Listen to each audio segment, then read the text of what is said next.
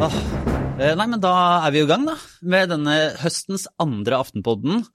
Eh, Vi er på plass, og eh, hva skal vi si, der forrige uke var en sånn entusiastisk oppstart på høsten, så er vi nå på en måte godt inne i hverdagen. En livs, litt mer sånn livstrøtt uh, uke, vil jeg påstå da, personlig, men, men vi kan jo høre om dere har noen andre syn.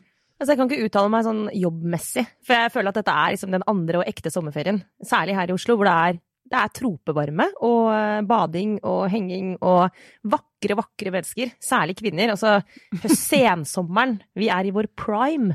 Så jeg bruker egentlig mest tid på å bare sykle rundt i Oslo sentrum og føle at det er sommerferie. Jobbmessig derimot, så føler jeg bare Vi er allerede inne i et sånt eh, hjul. Hvor det er de samme sakene igjen og igjen og igjen og igjen. Og så er det en og annen sånn aldri så lita spionsak som titter opp. Men men vi har jo slitt i dag, Lars, med å finne noe annet å snakke om enn det vi snakka om forrige uke. Så det kan jeg kjenne på en sånn tretthet rundt. Ja, for det er i hvert fall, vi er, på den, vi er midt oppi et par saker som jeg føler har, har forfulgt oss nå i lange, lange tider.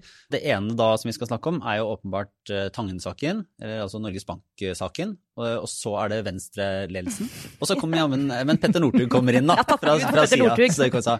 Men, men velkommen også, Kjetil Astheim. Du var jo sist på en måte den som skilte seg ut med mest entusiasme for hva skal jeg si, litt kjedelige ting. Uh, okay, men det er jo Kjetil. Du tenker på partilederdebatten? Ja. Hvordan syns du det gikk? Jeg syns det, jeg syns det var Hva skal vi si? Det, det oppfylte alle mine forventninger. det, var jo, altså, det var jo interessant å se hvordan de partiene prøver å posisjonere seg inn i når, man, når de blir nødt til å snakke om smitteverntiltakene og hvordan man møter koronasituasjonen. Hvordan de prøver å lage politikk ut av det. og, og alle ja. putter det inn i sin fortelling. ikke sant? Senterpartiet sier at dette viser at de må ha kornlager og, og, den slags. Og, det, og, i tillegg så hadde du da litt sånn den derre Støre-uttalelsen der om kattene til Trine Skei Grande som er sånn Hvorfor skjer dette egentlig? Det var, akkurat der skal jeg faktisk si deg rett. Det var faktisk et ekte sånn wow-øyeblikk. Men det som jeg tror her er kanskje kjernen på den grunnleggende forskjellen på deg og meg, Kjetil. For det, det, virker på meg som om du blir litt sånn lykkelig på en måte av at ting er akkurat sånn som du har forventa. Sånn, Trygve Slagsvold Vedum sier at vi skulle prioritert Norge først når det gjelder smittevern. Mens Bjørnar Moxnes er sånn det er forferdelig at vi ikke prioriterer norsk, norsk, norsk arbeidskraft. At vi henter inn, vi driver med sosial dumping isteden og henter inn filippinere, og så blir de syke i tillegg. Og så videre og så videre. Det er liksom Ja, det er faktisk det er 100% det jeg trodde dere skulle si. Ikke fordi at jeg er så innmari forutseende, men fordi dere sier det samme hele tiden. Det var ufattelig kjedelig. Helt Bare kom igjen. Bare dropp den debatten her. Ja, men jeg var på, Erna Solberg hadde innledning for uh, sentralstyret og stortingsgruppa si den, denne uka. Og da, da, holdt hun faktisk en hel tale uten å snakke noe om korona. Og det var, jo jeg tenke at dette kan være litt forfriskende, men det var det, det var jo ikke. Det var viktige ting ja. om skole og utdannelse og psykiatri og mye sånt, men det var ja, nei. Ja, og sosial ulikhet. Ja. Mm. Det var viktig, men sånn boring but important. Ja. Men jeg skal si, det her er i hvert fall uh, snøen som falt i fjor. Uh, den debatten den setter vel ikke veldig varige spor. Men uh, Så vi får gå inn i det som har skjedd denne uka. og Da er det en fortsettelse, er det det vi skal kalle det? En tilspissing? Eller en, hva, hvordan vil du karakterisere dette Trine Eilertsen, i, i Norges Bank-saken? Er vi uh, tryggere grunn, mindre trygg grunn? Det er an på hvem du spør. Jeg tror uh, Tangen må føle seg på mindre trygg grunn, og Øystein Olsen òg kanskje. Nei, altså det som er, er fascinerende nå, syns jeg, for de av oss som er litt uh, opptatt av forvaltning og maktdeling og rolle her mellom lovgivende forsamling, altså, utøvende hvis, hvis, hvis, noen, hvis noen lurte, så er dette ikke en folkelig podkast. Nei, det har vi nå aldri lagt opp til å være, men vi kommer jo sterkt tilbake. Men, nei, men altså, det, det er jo eh, Hvor skal dette ende? For Vanligvis har jo sånne saker eh, Du kommer inn i en eller annen sånn trakt, og så er det noen trinn, og så må du ende et sted, og du har kanskje to alternativ. Men her har du kommet inn i en trakt som handler om eh, hvordan skal akkurat denne typen konflikt og, og uenighet håndteres. Altså mellom eh, Norges Bank og hovedstyret og Øystein Olsen og eh, finanskomiteen nå i Stortinget, unntatt Høyre, eh, som alle sier at vi syns denne ansettelsen eh, skulle ikke vært sånn som den er, og disse eierskapene til Tangen de kan ikke vi leve med. Eh, og så finnes det egentlig ikke noe rammeverk som gjør at Øystein Olsen med det skal si OK, som leder av uh, hovedstyret så, så betyr det da at vi må avlyse arbeidskontrakten til Tangen og finne en ny eh, oljefondsjef. Det, det finnes ikke noe sånn rammeverk for det, fordi de har eh, i utgangspunktet gitt de lovene som Stortinget har laget, så er det hans eh, Han kan i prinsippet si takk for innspillet, men vi kjører som planlagt. Men så har vi et, uh, en debatt og et ordskifte nå som sier ja, er det mulig? Er det mulig for han å gjøre det, eller man skal liksom ta signalet? Dette har vi snakket litt om før, i hva grad skal liksom uh, folk i den type roller og styrer ta signalet fra Stortinget? Uh, og skal da et, et stortingsflertall til enhver tid kunne overstyre alle lover og regler og rammer for hvordan vi behandler ting? Det kan godt hende igjen for jeg synes dette er helt uforutsigbart. Men jeg må jo si at eh, jeg jo, er jo en av de som tenker hjelp meg. Da, det, vi har problemer da altså hvis, eh, hvis, vi skal ha en sånn at Stortinget bare uten videre kan sette til side lover de har eh, vedtatt for Er det et år siden? Et år siden. Juni i fjor. Mm. Men det kan jo si, hvis du skal kritisere noen for dette, er det kanskje at den situasjonen vi er i nå, ikke ble diskutert den gangen den loven ble vedtatt. At du får en sak hvor representantskapet er så kritisk til både altså til, til, hele Norges Bank og ikke minst eh, Øystein Olsen. Og eh, hva skjer da? Altså hva skal være, hvilken verktøykasse skal de benytte seg av? Det, det, tror jeg liksom, jeg kan, kan ikke si at jeg fulgte den debatten i detalj, men det, ikke, det, var ikke noen diskusjon rundt det da loven ble vedtatt. Og det er jo prisen å betale nå, at det er helt kaos. Og så er det jo det med tillit, da, Trine. Det med det rare begrepet tillit. fordi Eh, rent juridisk så er det jo egentlig tror jeg, ingen tvil om at uh, Tangen kan bli sittende hvis han vil. Nei, Nå kom det vel melding i dag om at uh, lovavdelingen, Finansdepartementet om at lovavdelingen om å, om å undersøke handlingsrommet finansministeren har i mm. denne saken her. Uh, og det vil jo overraske Jeg tror det detter stolen hvis Lovavdelingen finner ut at han kan gå inn og overstyre den beslutningen. Kjetil, du har jo fulgt enda tettere. Det merkelige var jo at de gikk til eh, dette private advokatfirmaet Arntzen de Besch først og ba om den vurderingen. Og så hadde jo samme firma vært inne og gjort et oppdrag for Tangen, så det var liksom opplagt at dette kom til å bli brukt mot den konklusjonen.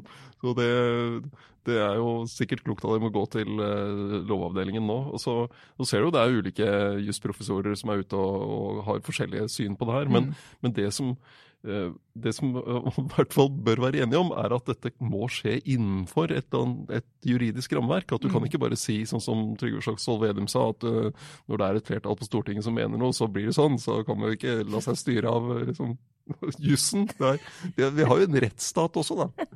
Men kan jeg bare spørre, hvorfor er det egentlig sånn at stillingsvernet til sjefen for oljefondet skal være så absolutt. Altså, vi har jo snakka om topplederstillinger, så er det jo nettopp altså, Du får bl.a. kjempehøy lønn fordi du tar en større risiko, du risikerer at du må gå av fordi styret ikke har tillit til deg. Eh, sånne ting da, som, som er innforstått i en del toppjobber. Men her er det her, her, er det satt til side fordi Tangen skal måte, være garantert etter å ha signert den kontrakten, eller hvordan? Nei, nei, det er an på hvem som kan si til han at uh, nå du oppfyller ikke kravene til stillingen. Og det er sånn som det er lagt opp nå, så er det, er det altså styret, oljefondet, styret, hovedstyret, Øystein Olsen, som, er, som har den rollen. Eh, og da skal han også, eh, da eventuelt for to måneder siden, skal han si, eller for én måned siden, for ikke si for to uker siden, si at uh, dette er den beste kandidaten etter våre begreper. Vi mener at vi håndterer denne, de interessemotsetningene. Vi har kontroll på det. Og så skal han nå si nei, nå, nå, jeg har ikke skiftet mening, men Stortinget er uenig, så derfor må jeg skifte mening. For da er han ikke de facto styreleder. Da er det ikke han som tar, har den myndigheten. Og, det, og, det, og det, sånn er det jo ikke. Sant? Han har en helt uavhengighet. Så kan du si at den uavhengigheten til sentralbanksjefen som er rammet inn av lov, eh, som du sier, Sara, ikke har de sett for seg denne situasjonen her. Men sånn er det jo av og til. Og Da får du jo heller jobbe med lovene da, for å sikre at du ikke kommer i en sånn situasjon igjen og lage et enda. Men samtidig så skal jo de som har den rollen som styreleder og styre for en bedrift, for en institusjon, hva det skal være, de har egentlig all makt til å ansette og avsette toppsjef. Det viktigste de gjør. Og da kan ikke alle liksom komme inn og si og ikke alle, altså, men Stortinget faktisk kan ikke bare komme inn og si i enhver sak at ja, men vi mener at du skal velge noe annet, ute i prosessen. Men er det ikke, hvis du tenker sånn linje her, da, så er det jo ok, over det finansministeren da, som, som er over sentralbanksjefen, på en måte. og, og så er spørsmålet hvor, mye, hvor stor mulighet den statsråden har til å ansette eller sparke eh, Øystein Olsen, men har i hvert fall mulighet til å uttrykke tillit Men nå har de jo faktisk da en mindretallsregjering der et flertall i Stortinget sier noe. Altså vil ikke, Er ikke egentlig det Jo, men Det, rekkefølgen det, det, det, det de jobber med nå på, i finanskomiteen, er jo hvordan de formulerer, eh, de, eh, formulerer dette. For det, det blir jo veldig viktig. Hvis man hørte på Fremskrittspartiets Hans Andreas Limi på Politisk eh, kvarter nå torsdag morgen, så, så vil jo de sende en, altså en henstilling, eller de vil be Jan Tore Sanner som finansminister gjøre et eller annet. Og så sier jo han også at, eh, sier Limi at eh, Sanner kan ikke instruere, men han kan måtte anmode eller sette i gang en dialog, nærmest sånn, sånn en henstilling om eh, at uh, hovedstyret skal gjøre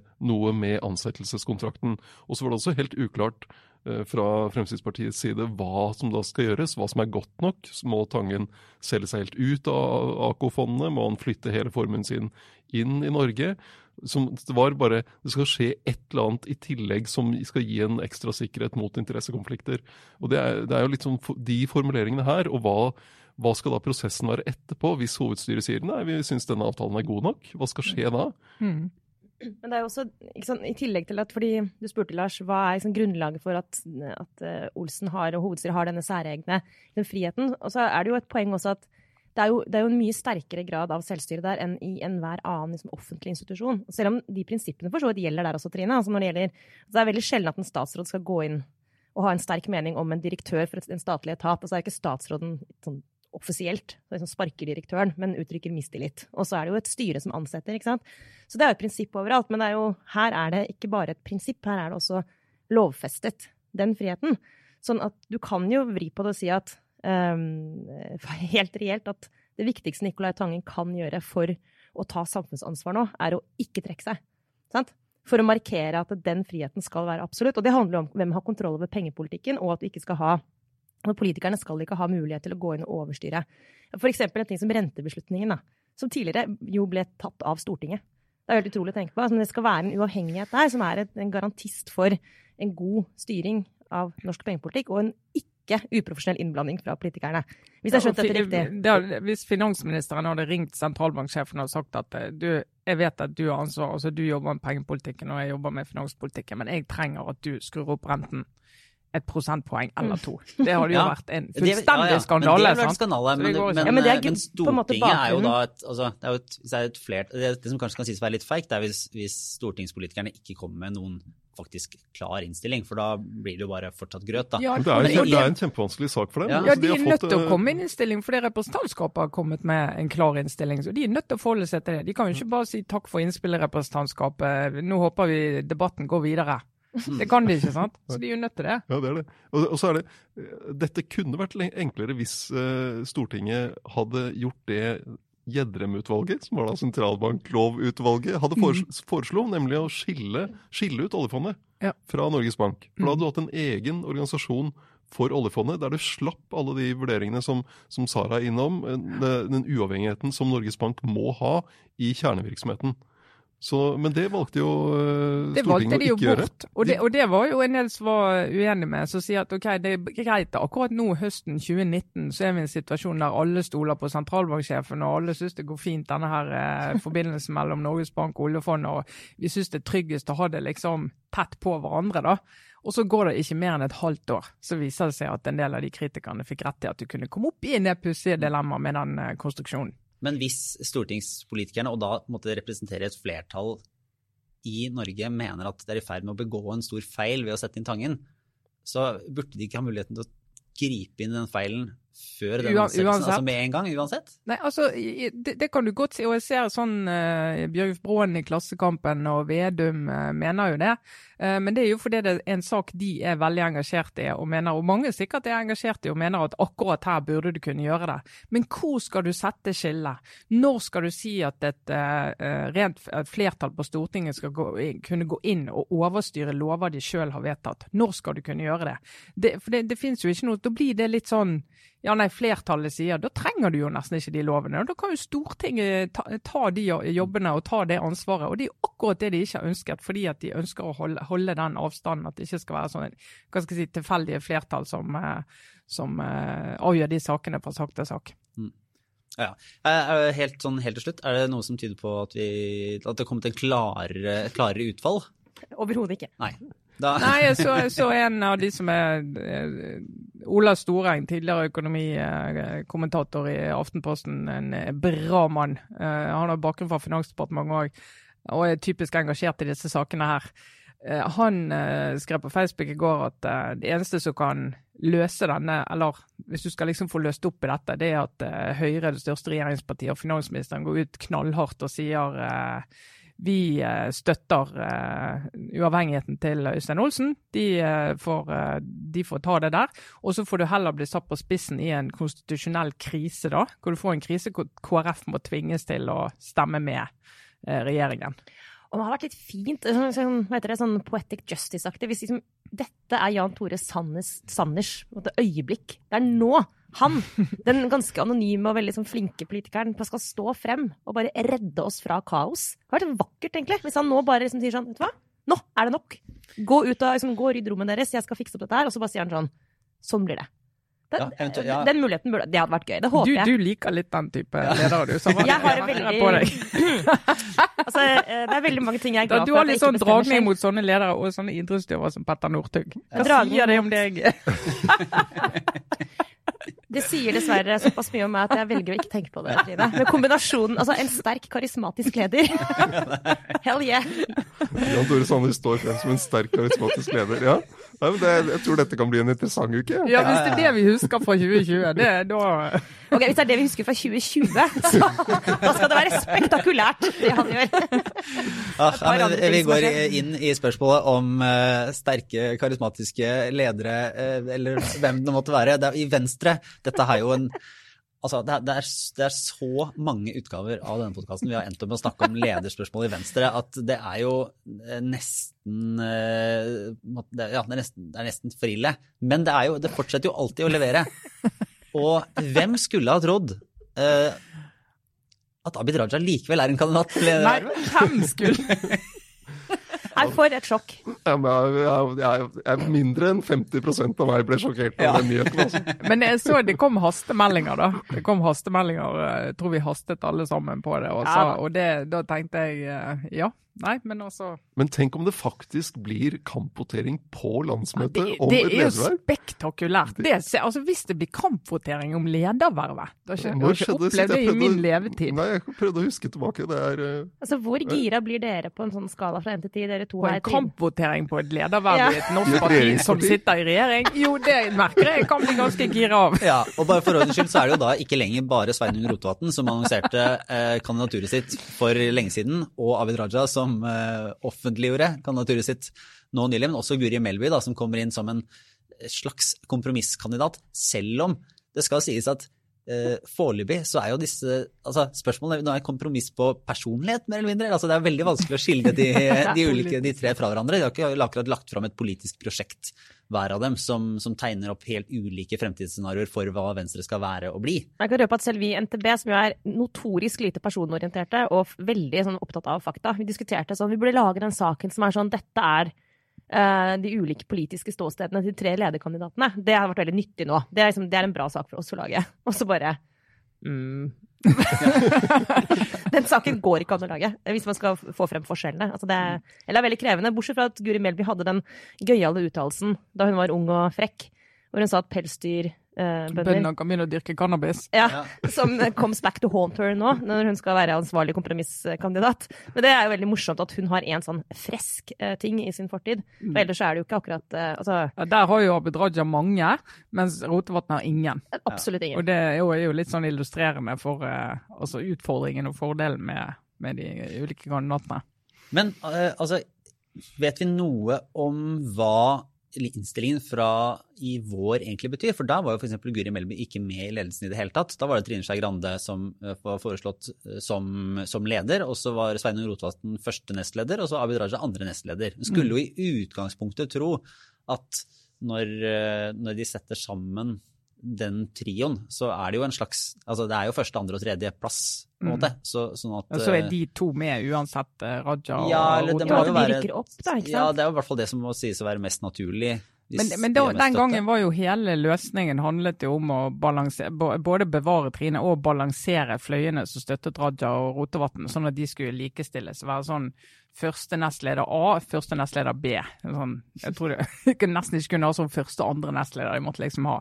De skulle være så likestilt som mulig. Mens nå er jo ikke det mulig, med mindre de begge skal være nestledere igjen, da. Og du stapper Guri Melby opp på toppen. Men har de en sånn 'det må være en kvinne og en mann som er nestleder'-policy? Nei, nei, de hadde nei. jo da to mannlige nestledere, for de hadde en kvinnelig partileder i den innstillingen. Ja, nettopp. Så klart. Mm. Og de har det i dag. Og de har det i dag. Ja. Men jeg tenkte på, på, SV. De hadde jo en, eh, i en periode eh, tre lederkandidater.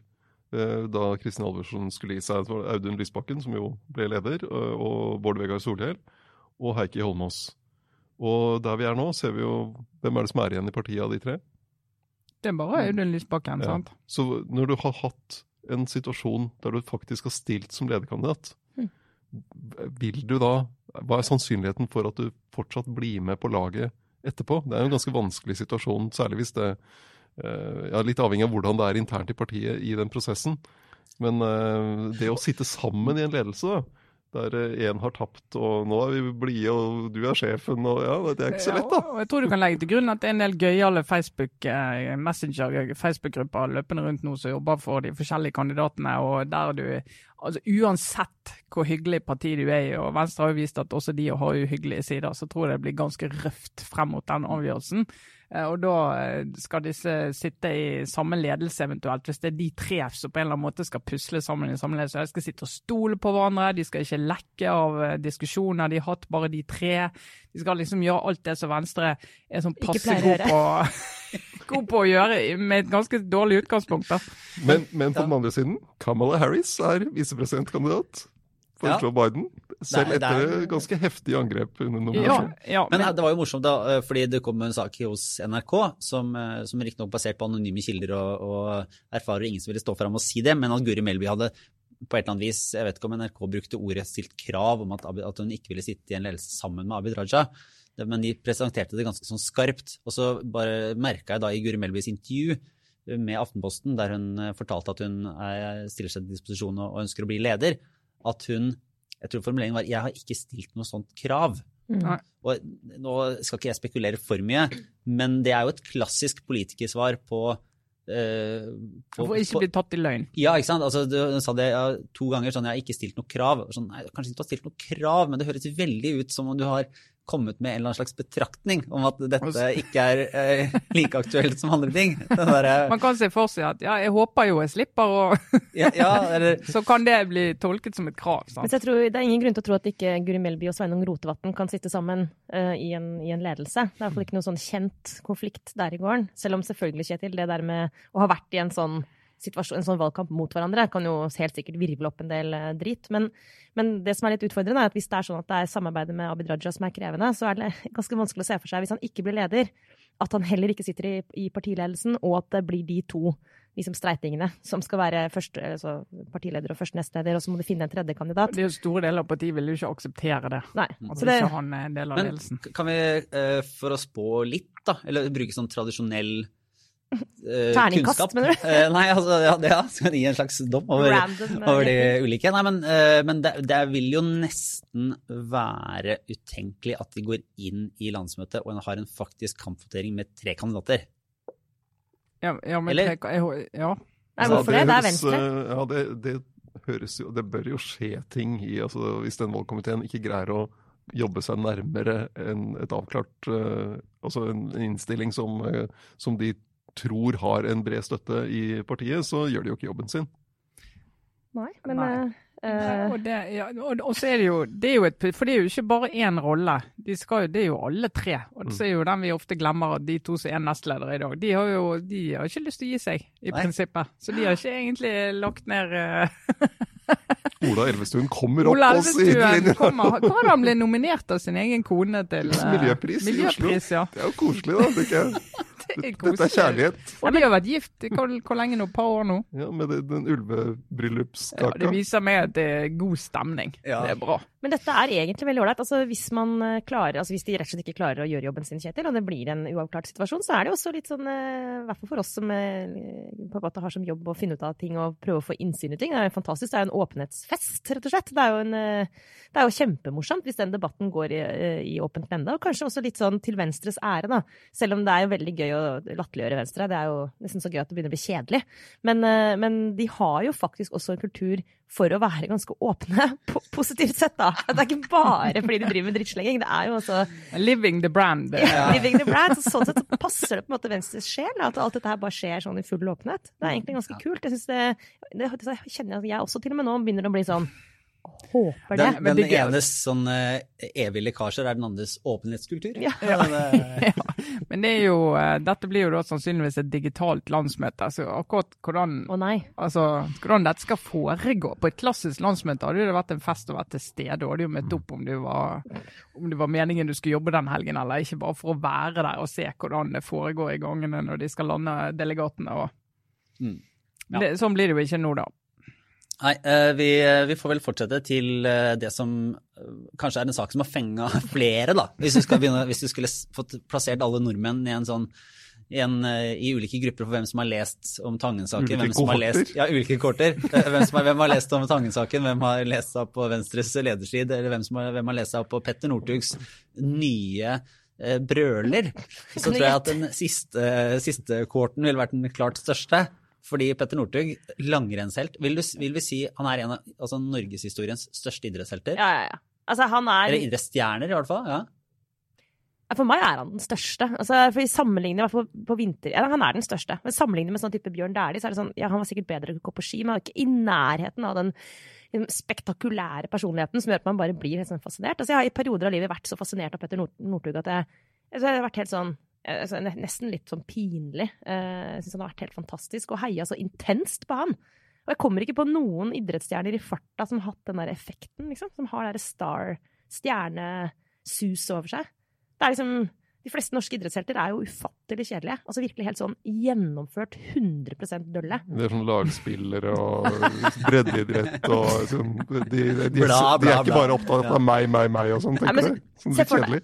Altså, Ole Einar Bjørndalen er en fantastisk idrettsutøver. Men du tenker ikke sånn åh, så gøy det hadde vært å liksom være på fest med han. Tenk å bare være en kveld på byen med nå tenker du det har det jo vist seg. Jeg har jo vært mye større, mye mer tilgjengelig å være på byen med Petter Northug enn Ole Einar Sara. Har du tenkt på det? Jeg har tenkt på det. Jeg har tenkt, Her har jeg latt en mulighet til å spille. Har jeg vært så mye ute på Men, fylla i men da må jo vi få lov å spørre deg, Sara, et eh, gammelt, gammeldags sportsspørsmål. Hva føler du nå, da? Dette syns jeg er trist. Altså, helt sånn Ja, hvordan, hvordan sånn at du sånn eh, føler deg som en nær venn av Petter Northug og, syns- og har vondt av han og syns synd i han og tenker ikke vær så slem med Petter, eller er det, tenker du mer? Nei, vet du hva, jeg er litt overraska over min egen reaksjon. Altså, jeg trodde jeg ville havne der. Ja. Sånn, Petter er en Forrige god gang gutt. gjorde du det. Forrige gang gjorde jeg det. Ja, Ja, du har kjørt i fylla. Ja, fy søren. ja. Og det som skjedde etterpå med Falun, sant? triumfen, tilbakekomsten i Falun, det, var, altså, det er helt sånn, jeg kan begynne å grine og tenke på fortsatt. Nei, da var jeg helt all in på Mm. hans side. Mm. Jeg kunne nesten selv skrevet den patetiske kommentaren som jeg så i Dagbladet denne uken, som var nettopp tittelen var 'Petter er en god gutt'. Om en mann på hva, en mann over 30 år. ja. Så det, det Nei, vet du hva, nå er jeg med på den derre Fy fader, så patetisk å begynne med kokain i 30-årene. Jeg er mer der. Det er altså å, ta, å ruse seg på kokain. Nå må jeg understreke at det er ikke sikkert at det, det har vært uh, tilfellet. Det er ikke blitt bekrefta. Men han har i hvert fall hatt litt i huset sitt, da. Hatt er huset, eh, og mistanke Bare om hatt det i tilfelle han fikk besøk. Ja. Altså Mistanke om ruspåvirket kjøring da, er vel det status formelt sett i saken. da, Men hvis det stemmer, da. Han har sittet i bilen på vei, fra sånn, som, på, på vei hjem fra jobb som skiinstruktør for en gjeng med unger oppe i Trysil.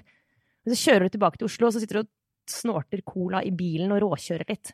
Da tenker jeg sånn Det er bare trist. Det er helt forferdelig uansvarlig også. Men det er sånn Kokain, verdens verste type dop, liksom. Og hvis du begynner med det, så er det trist. Hvis du gjør det som voksen, så er det bare Nei, det er bare patetisk. Det er uffa meg. Men, men er det, for det, det egentlig spørsmålet her, som også er et sånn eh, Det er jo et presseetisk, eller hva skal man si, et sånn pressjournalistisk spørsmål som vi har eh, stilt oss i mange redaksjoner, tror jeg, denne uka her, er jo den derre hvordan eh, Hvordan balanserer vi det når en nasjonalhelt blir tatt for noe som, eh, ja, som, som potensielt er farlig og kriminelt og havner i noe sånt? da. Og så er det jo interessant fordi det har jo vært litt sånn eh, god, Han er en god gutt, det er en tragedie, vi må hjelpe ham. eh, holdning som jeg, Mm. som jeg lurer litt på om er måte, om det er positivt eller negativt, eller om man ender opp med å være for, for snille med, med Northug her på et eller annet vis, eller om det er en måte å nærme seg sånne saker på som egentlig er sunnere enn det vi har hatt før. Altså, Jeg ser jo en del som problematiserer det at, eh, og opplever at vi er liksom greiere med Northug enn vi ville vært med andre typer profiler som ikke starter med så mye kjærlighet i utgangspunktet. Altså Hvis du er en litt sånn kontroversiell person eller profil som folk har litt sånn elsk-hat til, og som ikke har vunnet masse gull eh, for Norge på ski og ikke har det i bagasjen når, når du kjører 168 km i timen, kunne ha møtt en eh, yrkestransportsjåfør som var ute og kjørte på natten samtidig på vei hjem fra jobb og kunne ha krasjet i han og drept han, f.eks. Uh, sånn at det, det er liksom utrolig alvorlig, det han har gjort. Eh, eller i hvert fall siktet for å gjøre. Eh, så, så, kan du si at eh, ja, er vi for greie har vi for stor forståelse, og sånn, men jeg syns jo det har blitt mer nyansert enn det var i starten. Første, Med en gang nyheten kom, så var det jo nesten bare sånn 'stakkars Petter', og litt, det hang litt igjen. Så Birger Løfaldli, Adresseavisen-kommentator, eh, han skrev jo litt sånn en kommentar i går som liksom Ja, Petter er Petter. Det har vært veldig mye det i mange år. Petter, Petter. Petter må få lov å være Petter, og han liksom gjør ting på sin egen måte. Derfor han blir så god. Og se han kom tilbake i Falun og eh, vant etter den forrige fyllekjøringen. og Det er fordi han får lov å være Petter og gjøre ting på sin egen måte. Og så trekkes det så langt at til slutt så er det ingen som sier ja, Petter er Petter, men til hvilken kostnad? For hvem? Eh, og hvem er det rundt han som klarer å si nei, orker å si nei, og så han overhodet forholder seg til som kan si nei. Og den diskusjonen der, når du er en sånn type profil som han, så må du tåle den også, da. Og det syns jeg egentlig har kommet mer nyansert ut i uken, altså. Men altså hvilken, du, hvilken eh, tilværelse du lever i når du er, eh, holder på med idrett på det nivået der. Så du begynner jo, altså du har egentlig aldri hatt en normal ungdomstid eller ung voksentilværelse. Og det der med å ha et apparat rundt seg. Det eneste jeg kan tenke at det ligner på, er liksom å være en del av kongefamilien. Hvor du bare alltid har liksom masse folk som er der og passer på. Ja, det er sånn barnestjerner, så det er jo mange barnestjerner innenfor uh, popmusikk, f.eks., som du ser. Noen klarer seg, men veldig mange går det jo ikke alltid bra med. Nei, når det apparatet da blir borte, og du står der og ja, så kan du ok, Men, men din, og så er det jo noe med det der, da. For det er jo klart vi skal problematisere det. Jeg syns jo at eh, altså, Tufte, Olav Tufte, roeren, eh, sier det til Aftenposten at eh, ja, du bør Han syns det liksom er et godt forslag at du diskuterer med de idrettsutøverne som er på vei ut av karrieren, hvordan skal du legge opp livet ditt. Men så er det jo litt sånn som med eh, mange andre grupper. Da. De fleste går det jo bra med. Altså, men- De fleste klarer jo å gå videre og ha et helt normalt liv. Ikke kjøre i fylla, ikke kjøre for fort, ikke liksom holde på på den måten der. Så det er klart at de fleste er jo skrudd sammen sånn at eh, ja, nå holder jeg på med det, og nå må jeg finne på noe annet å gjøre. Så tror jeg veldig mange av de har en nedtur. Det tror jeg, jo, det skjønner jeg utrolig godt. Det er som du ga med pensjon. eh, tror jeg mange har det når de ga med pensjon, og du har liksom vært veldig travel og Rett jobb på det kokain. Ja. Rett ned. Men de, for de, men de fleste går det bra med, og noen går det ikke bra med. Og så hvem er det som fanger opp de? sant? Det er ikke rett er rett litt- på kokain, det er rett på sangriaen. Og det er det som er Ja. tragisk for de som nå har planlagt ikke sant? De har planlagt å gå av med tidligpensjon, gleda seg til å reise mye og sånn, og så kommer de midt i det der koronahelvete. Kan ikke Ja. dra til Costa del Sol eller noen ting. Det Ja. er forferdelig nedtur. Men jeg tenker på også sånn for idrettsutøvere. fordi det er først skulle til å si, var at de burde ha en sånn fylkesmannjobb eh, tilsvarende for, for idrettsutøvere, sånn som statsråder og politikere har. Sånn, eh, du kan alltids bli fylkesmann. Eh, men så kom jeg på at de har jo det. For det, du kan alltids bli sånn som lager ullsokker. Ja, for det, ja det, kan jo også, det er jo nettopp det. Han har jo egentlig blitt ivaretatt på den måten. For han har fått et, et, et, eller et ja. Ja, så det er som å få på en måte fylkesmannjobben i Agder, og så bare skusle det bort, da. For det, det er solbrillegreiene. Nå er det litt vanskelig å bruke han som sånn ansikt utad. Eh, Men det, det er jo egentlig altså, Det er ikke helt rørende hvor mange ullsokker og hvor mange skihansker og hvor mye sånn eh, helt normalt idrettsutstyr som disse utøverne kan Altså, selge. Vegard Ulvang hadde gått rett til helvete med hvis han ikke hadde funnet det. med de ullsokkene. Jeg tror det er noen sånne personlighetstrekk her som kanskje er ja. Men, så, men sant, han kom tilbake etter forrige gang, kom til Falun, vant masse gull. Det kan han jo ikke gjøre nå, ikke noe gull å vinne. Men hvis han nå sant, Nå skraper han bunnen, og, og det er helt forståelig at han er langt nede, og dette kommer til å få enorme konsekvenser. Hvis han klarer å reise seg igjen etter det, og komme tilbake og liksom være en eh, karakter, da blir jo han en enda bedre eh, en historie om seg sjøl. Men hva i all verden skal han reise seg liksom, på grunnlag av? Altså, hva, hva skal han Han kan ikke gå på Det er jo mange det som har hatt altså Tenk på de tidligere, altså Myggen, Erik Mykland og Klaus Lundekvam og andre idrettsutøvere som har rotet eh, Ja, ja. veldig mye etter at de gikk av med sportspensjon. Så kan skrive en bok, de kan komme tilbake og bli liksom kan brukes for å fortelle Du må ikke gjøre sånn som meg. En mulighet der. Og kanskje også bare hvis det kan bidra til at eh, rusmiddelet kokain Og nå snakker jeg ikke som en sånn narkotika, farlig, voksen, ansvarlig voksenperson. Jeg snakker som en sånn som har vært ganske mye ute i Oslo og kjeda vettet av meg i selskap med idiotfolk på kokain. Altså mennesker med altfor god selvtillit i utgangspunktet, som vi tror de trenger enda litt mer av det. Eh, og stapper i seg forferdelig drittstoffet der, hvis jeg kan bare få sagt det. Eh, det er ingenting som er kjedeligere og mer trettende enn å, enn å møte folk som sitter og vaser rundt og tror de er kjempemorsomme, eh, fulle av cola i nesa. Det er altså så ufattelig boring. Bare få det bort. Og Petter Northug, stakkars. Jeg bare altså, Stakkars. Det er bare, det er bare dypt tragisk. Liksom bare, eh, så hvis, hvis han kan brukes til det, bare få det til å bli Reise på en konfleir og ja, reise rundt på konfirmasjonsleirer og si Ja, ja. just Så- say no. Ja. ja, fint. Ja, ja. Da takker vi han. Ja, nei, men eh, Vi runder av med en eh, runde med obligatorisk refleksjon. Eh, Jeg vet ikke, Kjetil, om du har noe på lager som vi begynner med? Ja, Ja, nei, ja, altså Jeg tror nesten jeg må snakke litt om Terje Røde Larsen igjen, altså. Uh, vi, vi har jo vært innom ham uh, i, så vidt eh, tidligere i forbindelse med den uh, dokumentaren-serien som ble lagt ut på Netflix om Jeffrey Epstein-saken. Milliardær milliardær ble dømt for i, som sexforbryter på tidligere sonet for det, og så ble han arrestert i fjor for mange med en lang liste med anklager, og så tok livet sitt i fengsel. Og han, han brukte jo den perioden etter at han hadde vært i fengsel første gang, til å, å bygge opp igjen nettverket sitt og posisjonen sin i samfunnet ved å bl.a. gi penger til ulike formål, universiteter og osv.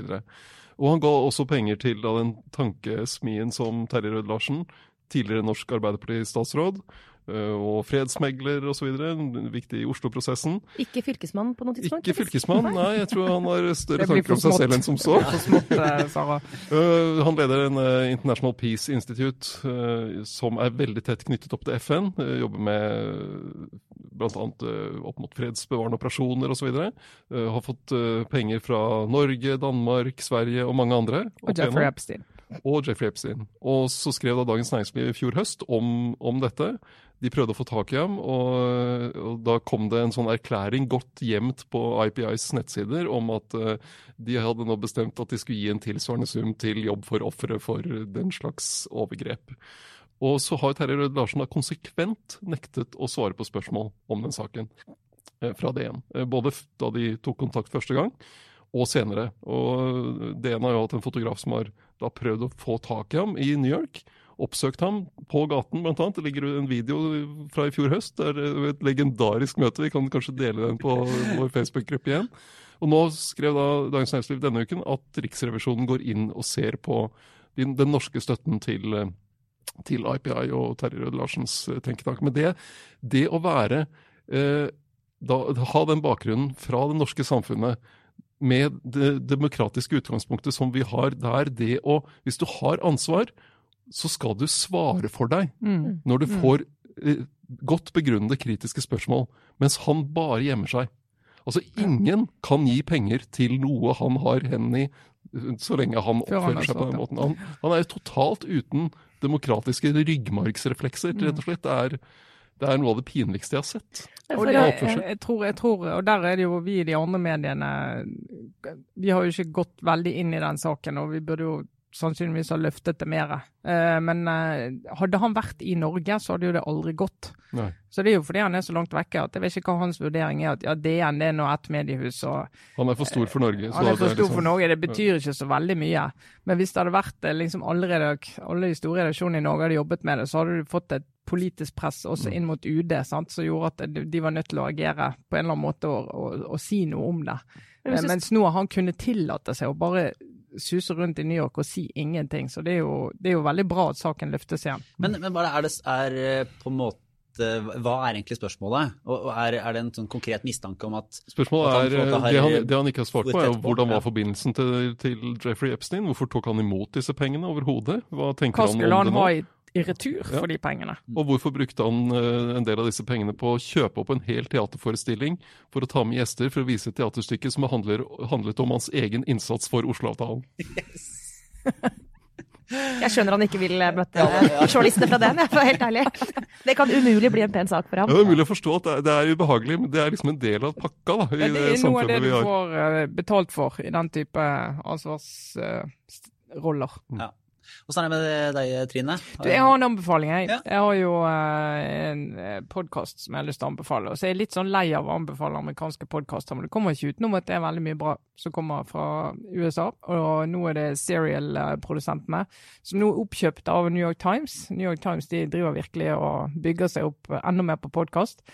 Eh, Så de har kjøpt Serial-gjengen, som har laget en podkast som heter Nice White Parents, som handler om eh, egentlig Du kan ta den inn i skoledebatten i Oslo særlig.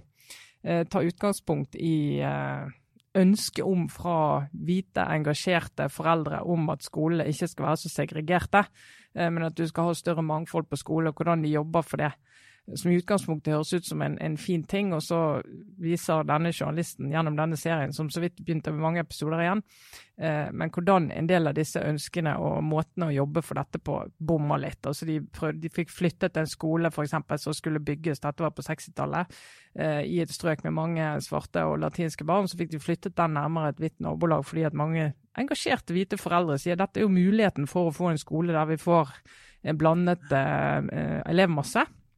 Og da gjorde utdanningsmyndighetene de gjorde det. Men det var ingen som sendte de hvite barna sine der likevel. Og da ble det litt sånn ja jo, nei, når det kommer til stykket. Så det eneste det førte til, var jo at de Måtte reise lenger? måtte de- reise ja. lenger. Eh, og så forteller egentlig historien til denne skolen og hvordan mange sånne gode ønsker fisler ut i ting som på noen, i noen situasjoner har skapt større problemer for de barna de har lyst til å integreres med, enn en løsninger. da. Utrolig spennende, og den har vært veldig kontroversiell i USA. Før de første episodene kom, så har mange ment mye om hva dette helt sikkert var. Mye hat mot uh, hun journalisten som har laget det, Uh, så verdt å, verdt å høre på. Noe av det vondeste å bli konfrontert med, er når ens egne prinsipper krasjer i ens egen virkelighet. sant? Mm. Det er utrolig ubehagelig. Jeg kan komme på, jeg skal ikke nevne dem høyt, men jeg kommer på en hel rekke eksempler i mitt eget liv Ja. som er sånne ting jeg har vært veldig overbevist om. Fordi det er, sånn, det er det jeg egentlig mener. Når det kommer til stykket, ja, eksempel 50-50 deling av, av foreldrepermisjon.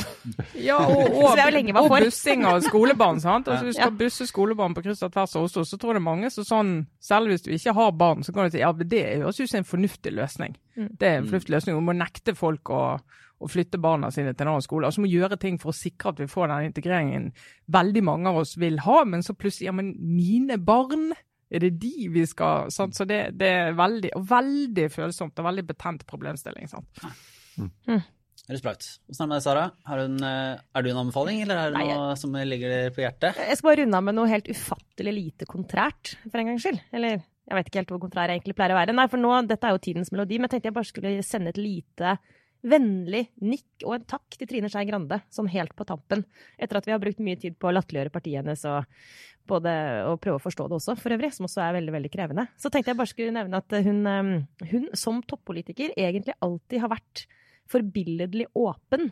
Eh, også såpass åpen at det kan ha bikket over i det nesten uprofesjonelle innimellom, eller kanskje helt over streken også, på at hun er så følsom, og at hun sier ting hun kanskje ikke burde si, og at hun er Kan nok komme på eksempler hvor, der, eh, hvor hennes personlighet, hennes følelser har liksom spilt inn i prosesser, og det har vi kommentert her tidligere og sånn, men den andre siden av det er at hun, er egentlig, hun har alltid vært en veldig tilgjengelig politiker, og fra den tiden hun var kulturminister og jeg var kulturredaktør, så var det veldig sånn, veldig sånn lett å få henne i tale og svarte på spørsmål, også vanskelige spørsmål, apropos Terje Rød Larsen. Eh, sånn at det sånn sett, tenker jeg at den der måten å være politiker på som hun har vært, som jo har fått veldig mye kritikk, og som på en måte ikke er den der profesjonelle politikeren, da. Sammenlignet med Jonas Gahr Støre, for eksempel. Han tabber seg også ut, men på litt andre måter så er jo Trine Skei Grande mye mer sånn Hun har alltid hatt en sånn, der, ja, en sånn åpenhetslinje. Så nå det er jo altfor seint selvfølgelig få ros når du er på vei ut, men akkurat nå tenker jeg sånn at den typen politiker som ikke er så kalkulert, det er vel det ordet jeg leter etter, den ikke så kalkulerte politikeren, det er egentlig, syns jeg hun Det fortjener hun takk for å ha vært, da. Så det var egentlig det, var det rauseste jeg klarer å være. Ja, ja, det er fint. Jeg vet ikke om dere er enige med meg i dette? Det er, altså at hun har den litt annen sånn rolle i særlig møte kanskje med oss, da, eh, pressefolk. Ja, altså hun gjorde, jo, hun gjorde jo faktisk en veldig god partidebatt, det tror jeg alle var enige om. Eh, og det tror jeg eh, handlet både om den og ned, eh, men òg at hun selvfølgelig har jo mye lavere skuldre nå og kan være mer fri. Men veldig sånn og og Da merker du denne lengselen hos de som ser på politikere som kan si ja, det, jo, det var ikke helt riktig det vi gjorde der. Der burde vi nok ha. Så blir bare folk helt sånn delirisk lykkelige over at det er mulig å si, og det er jo tankevekkende. Jeg innser jo kanskje at vi har en viss del, vi som i media da, har en viss del av skylda for at det er ganske krevende å være sånn åpen og ærlig og personlig og lave skuldre eh, som politiker. Fordi du får jo fort tyn for det. Men, eh, men hun har alltid, hun har egentlig bare vært det på tross av mye kritikk, da. Og det er jo egentlig Ja, nei, det er kult. Håper flere eh, fordi at det, Jeg tror hvis jeg skal sammenligne med en annen tilsynelatende veldig åpen og liksom eh, ærlig politiker, Trygve Slagsvold Vedum, så, så opplever jeg at den der folkeligheten hans er som utrolig eh, velregissert. Sånn. Ekstremt kalkulert eh, folkelighet. Mens Trine Skei Grande er på den andre siden. Så spørs det om folkelighet er noe Venstre trenger å satse på. Vi kan finne en nisje, ikke folkelig nisje. Når vi nå skal bli ja til EU-parti og greier og greier. Ja. Jeg skal egentlig bare jeg skal komme med en, eh, en hverdagslig betraktning som har kommet nå på høsten, som, som eh, når man blir voksnere og må finne ut av, av eh, ting, og kanskje bare erkjenne at det finnes noen snarveier i livet som, som gjør ting lettere, selv om det ikke er helt sosialt akseptabelt eller greit. Så nå eh, kan jeg bare varsle at jeg, jeg skal må gå til innkjøp av badesko. Badesko må Hell yeah! Absolutt. Må ha badesko. Alle må ha badesko. Alle må ha badesko. Ja. Oslo er invadert av østers. Jeg tror jeg har snakket om det tidligere også. Jeg er Vi snakker, vi snakker nå ikke om restauranter, bare i tilfelle Ja. noen lurer på det. Nei, vi Stille er oss, Østers. mye mer folkelig. Ja, ja. Stille oss, østers Og, og, ja, og spise steiner. Ja. Ja, ja. Nei, badesko det, det begynte å drive med på Vestlandet lenge pga. rur på svabergene, og nå har jeg begynt å ta de med over til, til Oslo for å bade her. ja. Så det må jeg gå til innkjøp av, så jeg, det skal jeg bruke uka på. Og se om jeg får eh, funnet ut av hvordan det gjøres på en måte som jeg, Er det en Badesko blir aldri kule. Nei, nei, var det Altså, det, det kan du bare glemme. Du må ikke gå og stråle tråle butikkene etter kule badesko. Badesko er helt B. Men ku, kule liksom litt sånn mandige badesko. Det er okay, det jeg men bruker. Løkka-Lars er død. Det betyr mange ting, men det gjør også livet ditt enklere, Lars. For det er bare Dette er, Som Trine jo, sier. dette er jo fordi du nå må holde deg litt mer på grunna. Ja. Altså, hvis du bare kan stupe rett ut og klatre opp en trapp, så trenger du ikke ja, det er noe, da trenger du ikke badesko. Det er, det er helt sant. Det er der problemet ligger. Og så helt på tampen skal jeg bare gi en, en litt partisk uh, anbefaling, fordi jeg kjenner uh, Stine Fevik, skuespilleren som har det, men det er en monolog på, på Oslo Nye nå som heter Girls and Boys, som hadde en eh, forestilling før sommeren, fikk fantastisk gode kritikker, og som nå er i gang igjen etter liksom, I skyggen av korona så er det å gå på teater faktisk ganske trygt og eh, hyggelig, for der er det da altså i store salen menn få som kommer inn, så man kan sitte sånn helt for seg sjøl i et ganske sånn samfunnsaktuelt og veldig godt stykke som, som, eh, som går nå i eh, noen dager og kanskje en uke framover. Så Girls and Boys kan anbefales der, da, bare for å slenge inn den på tampen. Eh, Og da tror jeg vi har kommet til veis ende for denne uka her. Så takk, takk, eh, alle sammen. Eh, Vi er tilbake neste og ser om vi har kommet videre fra Tangen og venstre ledersid. Eh, Mest sannsynlig ikke. ikke det tviler jeg på. Det var en rød tråd da, fra Tangen ned til badeskoene. Ja, Ja. det er Oi, oi, oi. Det var Aftenpåden. Ha det bra.